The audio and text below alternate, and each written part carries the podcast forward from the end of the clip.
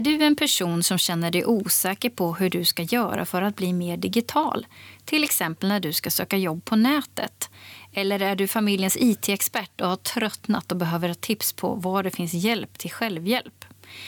Idag har vi mer digitala möten, till exempel genom video. Och framtiden, samhället, arbetsplatser och yrken kräver en mycket högre digital kompetens än vad som historiskt varit nödvändigt. Men det behövs både vilja, nyfikenhet och mod men också guidning i hur man ska bli mer digital. Och digitaliseringen den pågår överallt och det går snabbt. I det här avsnittet så presenterar vi digitalaja.se en webbplats med korta utbildningar som förenklar din vardag. Och jag har bjudit in Camilla Weide från Arbetsförmedlingen som jobbar med att fler ska använda digitala verktyg och tjänster. Och jag vill ta reda på varför det är så viktigt att vara digital och vilken hjälp man kan få. Du lyssnar på Arbetsförmedlingens jobbpodd och jag heter Charlotte Lindman.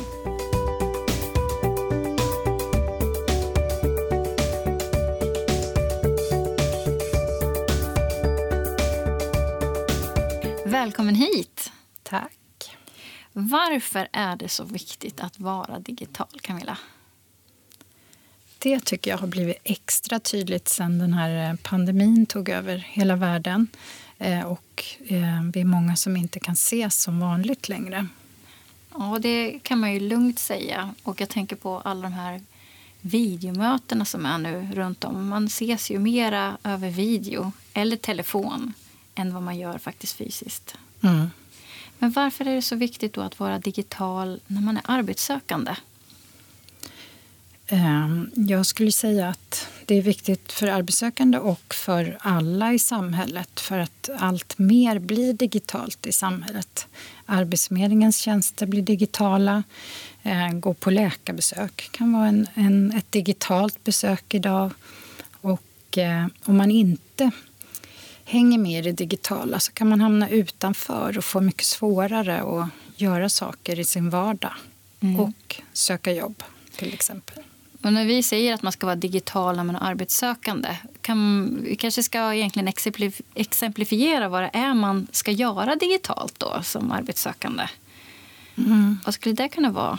Jag tänker ju, eh, ansökningar har ju varit ganska länge eh, digitala. Det är ju sällan kanske man stoppar ner ett, skriver ut sitt eh, CV eller personliga brev och stoppar ett kuvert och skickar. Det är ju till exempel en sån sak som man ofta sparar i en dator och bifogar med en e-post till en arbetsgivare. Mm. Men eh, om vi tittar på att Sverige har ju ändå kommit långt i digitaliseringen. Alltså det är ju nio av tio ser man ju idag ändå använder internet. Vad är det vi behöver bli bättre på då? då? Jag tänker att det, eh, de som inte använder digitala tjänster än behöver först och främst se den stora nyttan och vinsterna för sig själv genom att lära sig att kunna använda digitala tjänster. Alltså öka sin egen trygghet och våga prova saker. Ja, för hur ser det ut i verkligheten? Vad är det som man behöver bli bättre på? Jag tror att det är just den här Eh, att man är osäker och rädd att göra fel. Så att man inte vågar ge sig in i eh, och använda, skapa konton, eh, använda sociala medier eller eh, handla på nätet till exempel. Man är rädd att det ska bli fel och att det ska eh, straffa en på något sätt om man gör fel. Mm. Är det det som är trösklarna, just att man inte vill göra fel eller att man är rädd för att det ska hända någonting? Jag tror det. Och där, genom att lära sig mer om då, de här grundläggande sakerna som att skapa konton och internetsäkerhet så har man kommit en bit över den tröskeln och villig att prova fler digitala tjänster. Mm, för då är ju nästa fråga hur man då ska bli mer digital. Jag tycker att det bästa sättet är att våga prova själv och inte vara rädd för att göra fel. Eh, fel kan man alltid rätta till sen i efterhand. Eh, men vi har ju också här på Arbetsförmedlingen byggt en lärande webbplats som vi har byggt tillsammans med Google för att ha korta kurser i de här grundläggande digitala färdigheterna. Precis, digitalaja.se. Kan du berätta lite mer om den sajten? Ehm, Digitalaja.se är ett samarbete med Google och den har vi byggt för att kunna mota det här eh, Eh, digitala utanförskapet som kan bli när allt mer tjänster och saker i samhället blir digitala och man inte hakar på eller hänger med i, den, i de kunskaperna. Eh, det blir till, liksom till slut svårt att klara vardagliga behov om man inte har gett sig in i den digitala tjänstevärlden. Mm, för hur kan då den här sidan digitalaja.se användas då för de här personerna som kanske känner sig lite osäkra?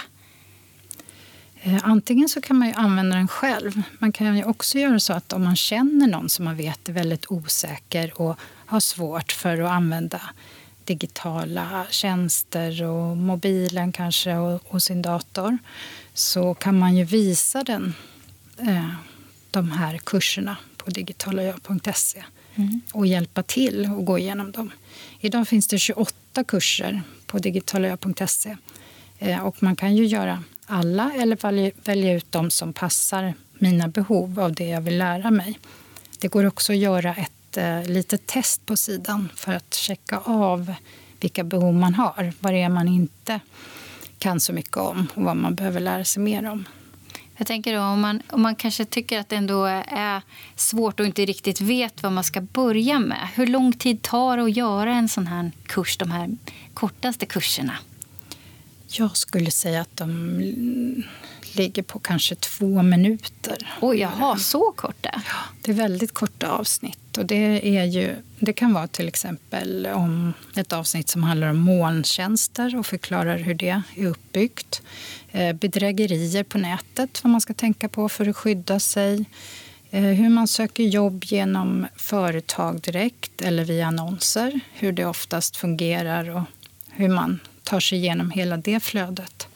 Eh, vi har nu kurser om cookies, e-postkonton, säkra lösenord. Det låter ju som en riktigt bra både jobbsökarkurs men också att bra ha i vardagen. Ja. Vad tycker de som använder digitalaja.se? Har du några exempel?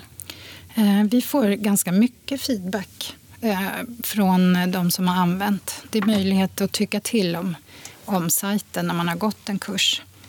De brukar ofta säga att det här var jättebra tips, det här kan jag få användning av direkt. Eh, nu har det varit mycket, åh det här passar jättebra, särskilt i coronatider. Eh, också tips om hur jag kan forma och få ett bra digitalt CV till exempel. Kan du ge ett exempel på en sån lärarledd lektion?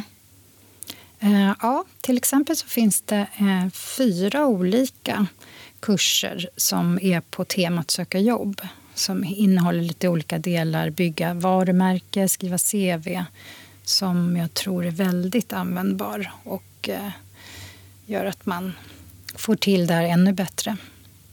Men om man nu är nybörjare och är första gången på digitalaja.se, var tycker du att man ska börja? Eh, jag tycker att man kan gå alla kurser egentligen. Men om man är lite osäker så kan man börja med att titta på den personliga mixen som består av ett test som man gör först för att se vilka behov man har, att, eh, vilka delar man skulle behöva lära sig mer om. Och så kan man börja utifrån den. Tack Camilla Weide från Arbetsförmedlingen. Och du jobbar ju alltså med att få fler att använda digitala verktyg och tjänster. Ja, tack så mycket.